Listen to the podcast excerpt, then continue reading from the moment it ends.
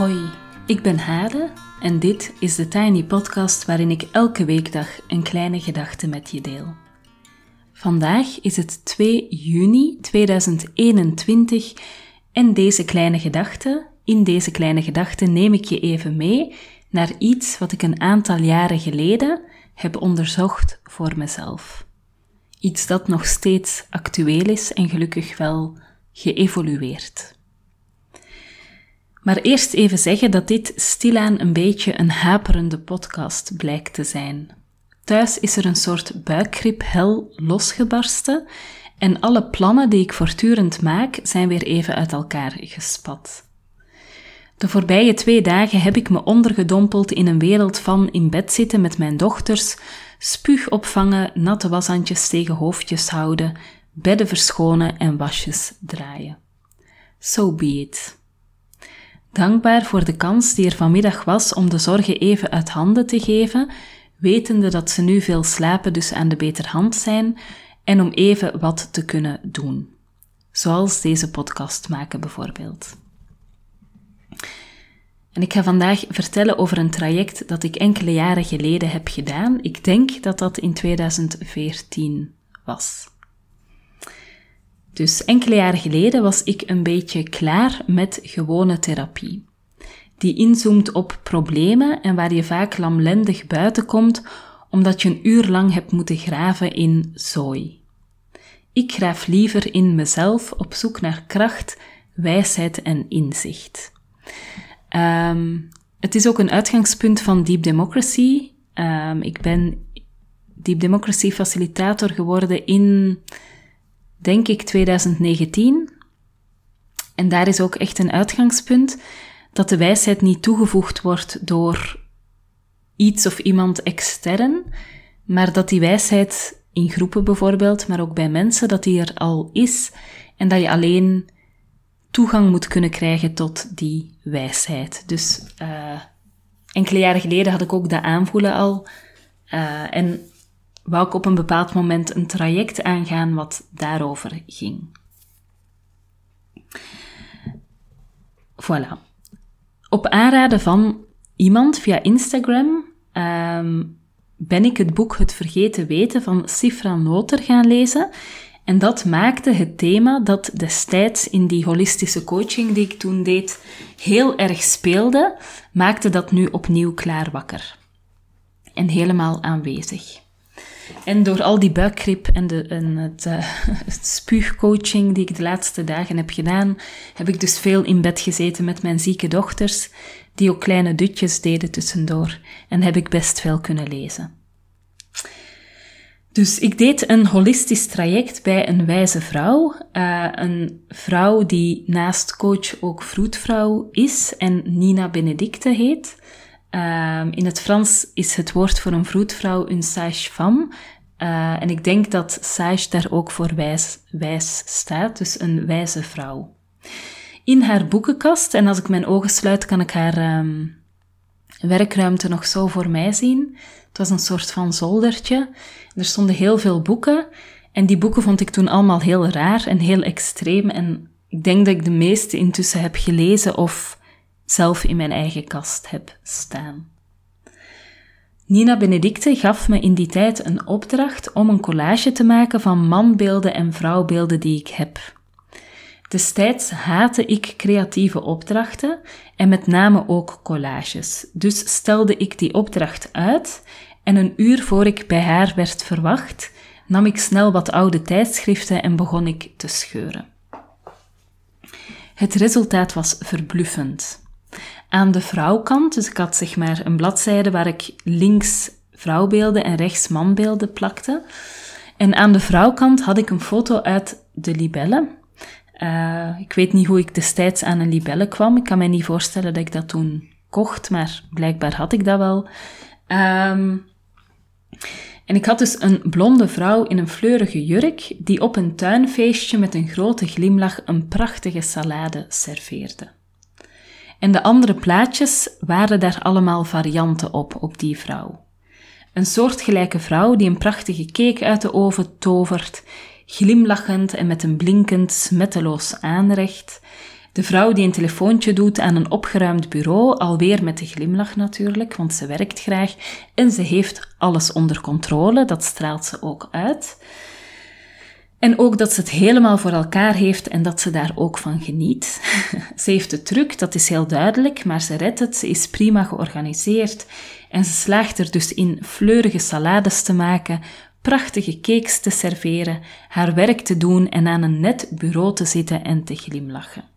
Haar benen zijn onthaard, ze heeft geen uitgroei, geen wallen en ze is ondanks haar cake niet te dik. Dat ligt vast aan die salade, dat compenseert. Dus daar zat ik met mijn collage en ik besefte meteen dat ik een hekel had aan die vrouw. Ik had voortdurend het gevoel dat ik die vrouw moest zijn, uh, maar dat ik geen enkel talent had om die vrouw ook echt te zijn en dat ik dat talent ook vandaag nog steeds niet heb. Door die collage realiseerde ik me dat ik in die tijd echt godganse dagen aan het streven was om die vrouw te zijn. En dat ik schromelijk mislukte in dat streven, dat was wel duidelijk. Ik vond mijn huis vaak vuil en rommelig. Ik kon geen perfecte cake bakken. Uh, ik had toen een oven waarin alles verbrandde. En ik kon me niet meer herinneren wanneer ik een fleurige salade had gemaakt. Ik kon niet mijn kindjes animeren en mijn aanrecht tegelijkertijd proper houden. Ik zat gestrest, omringd door kopjes koffie aan mijn bureau of suf van vermoeidheid door alweer een gebroken nacht. En ik voelde me heel vaak morsig en vermoeid. De wallen stonden me nader dan de glimlach en ik had en ik heb nog steeds niet alles onder controle. Ik at en eet wel eens veel meer zoetigheid dan goed is voor me, uh, omdat mijn wilskracht aangetast is door de vermoeidheid die ik gratis bij het ouderschap heb gekregen. Ik vis ook wel eens een beschimmelde appel uit de fruitmand en er zit meestal ook wel een vlek op mijn kleding. Daarboven heb ik zelden gepoetste schoenen aan en zo kan ik dus nog even uh, doorgaan, maar het mogen duidelijk zijn, uh, dat soort dingen heeft de libelvrouw allemaal niet voor. Die leeft in een wereld zonder beschimmelde appels, zonder vlekken, zonder verbrande cakes. Ik ben helaas, denk ik, meer het type slons. Uh, of dat, dat lijkt voor mijzelf vaak zo. En tegenwoordig hebben we daar gelukkig een nieuwe term voor. Dat heet dan een ploetermoeder. Door die collage van destijds realiseerde ik me dat ik dus heel de tijd bezig was met iemand te proberen zijn die ik stiekem een beetje een trut vind. Hoe idioot is dat? Ik stond er echt zelf van versteld. En waar ik destijds ook van versteld stond, was dat ik geen alternatief had. Ik had geen flauw idee wat ik dan wel moest proberen zijn als het niet die libellenvrouw was met rechte tanden, een mooie glimlach en een alles onder controle look. Ik wist echt niet wat ik dan zelf wou of kon zijn. Uh, wat voor vrouw ik zou kunnen zijn die ik geen trut zou vinden. Het enige dat ik daar toen over had uitgeknipt was een wolvin. En dat heeft dan een link met het boek van Clarissa Pincola Estes, uh, die de wolfsvrouw als instinctief, wijs en krachtig beschrijft. Maar goed, hoe zet je dan die wolvin om in een vrouwbeeld dat ik dan kon hanteren in die tijd? Um, waarschijnlijk wel iets met haar op de benen, niet perfect geëpileerd en uh, onthaard. Maar verder kon ik niet zo goed een link maken tussen mijzelf en dat beeld van die wolvin. Ook al voelde ik daar wel een soort van verlangen of connectie mee. In die tijd deed ik ook mee aan een Boost Your Positivity Challenge. Uh, en daarbij moest ik eigenlijk ook heel vaak aan die libellenvrouw denken. Het was een soort challenge met slimme shortcuts uh, die je dan had om alles onder controle te houden. Uh, je moest dan lijstjes maken met snelle gerechtjes om je gezin, zelfs als het heel druk is, verantwoord te voeden. Um, je kreeg dan van die tips dat je dan een uurtje in bad moest gaan zitten als je stress had enzovoort. Um, destijds was ik alleenstaand. Um, alleenstaande mama. En ik vroeg me echt heel vaak af, als ik dan al die Boost Your Positivity challenges zag, dan dacht ik altijd, wat doen die mannen van die vrouwen die dan allemaal shortcuts hebben? Want die mannen kwamen alleszins niet echt voor in het plaatje, terwijl ik wist dat er vaak wel een man uh, was. En ik had bij die challenge ook echt een heel dubbel gevoel. Um, zo enerzijds het gevoel van, oh wauw, er zijn mensen die dat kunnen, weekmenu maken, één keer per week boodschappen doen, niks vergeten, er elke dag stralend uitzien, gezonde brooddoosjes, um, allemaal tips en trucjes en dan ook niet eens gestrest zijn en gewoon elke dag alles afvinken en genoeg energie hebben voor de hele dag. En anderzijds vroeg ik mij ook af van, is dit het dan? Zo het smetteloos met je tips en tricks door het leven laveren, is dat dan het leven van een vrouw? Wil ik zo iemand zijn met shortcuts en lijstjes verantwoorde recepten achter de hand? Misschien is dat de vraag niet eens, uh, want het lukte mij destijds niet en vandaag nog steeds niet. Misschien was de vraag eerder: wil ik meedraaien in een wereld waarin die perfectie verwacht wordt die ik te lijf zou kunnen gaan met shortcuts, slimmigheden en een doorgedreven, extreme organisatie om alle balletjes in de lucht te houden. Ik denk het niet, maar misschien is dat meer een soort van jaloezie dat ik het toch niet kan en dat ik dan maar denk, laat maar, ik wil het niet eens. Dus ik denk eigenlijk dat ik niet in zo'n wereld wil functioneren en niet aan dat plaatje wil voldoen. Maar misschien ben ik gewoon echt iemand die niet met een leuk jurkje en geëpileerde benen salade kan serveren op een feestje waar al mijn kinderen zonder snottebellen rondlopen. Um, en denk ik dan, ik kan niet winnen, dus ik doe niet meer mee. Of is het misschien toch terecht om vraagtekens te plaatsen bij dat ideaalbeeld? Morgen ga ik daar even verder op in. Uh, ik ben intussen een aantal jaren verder en ook een ideaalbeeldje verder. Ik ben dus, dat was wel duidelijk, nog steeds geen libellenvrouw. En ik heb daar nog wel wat gedachten over te delen.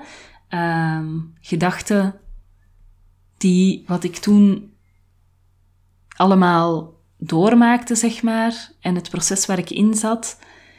Um, ja, gedachten die dat eigenlijk linken met hier en nu en vandaag en hoe de dingen nu zijn. Voor nu wil ik je wel even uitdagen om zelf eens een collage te maken van jouw vrouwbeeld en te kijken wat dat met jou doet. Uh, je mag het altijd op Instagram delen en de Tiny Podcast uh, vermelden, dan krijg ik dat ook te zien. En dan vind ik het ook echt heel leuk om een keer met jou mee te kijken. En ik ben heel benieuwd wat voor vrouw bij jou op papier komt. Um, en of dat inderdaad de vrouw is waarvan je voelt van, oh ja, dit wil ik echt zijn, of dat het eerder een gevoel is van, hier moet ik aan beantwoorden en ik heb geen idee wat ik daar zelf dan mee wil. Of ik weet wel zeker dat ik het zelf niet wil, zou ook kunnen. Tot zover voor vandaag. Morgen meer hierover. Je kan me volgen op Instagram, TheTinyPodcast. Als je je abonneert via bijvoorbeeld Google of Apple Podcast in Spotify of in je favoriete podcast-app, dan krijg je telkens de nieuwste aflevering in je overzicht en dat is elke weekdag. Als je de podcast doorstuurt naar iemand die er ook graag naar luistert of hem deelt op social media, dan help je me om de podcast te laten groeien. Um, voor nu wens ik je een heel fijne dag, heel veel goeds en dat er in jouw huis vanavond en vannacht maar niemand spuugt. Dan is het leven volgens mij best draaglijk. Tot morgen.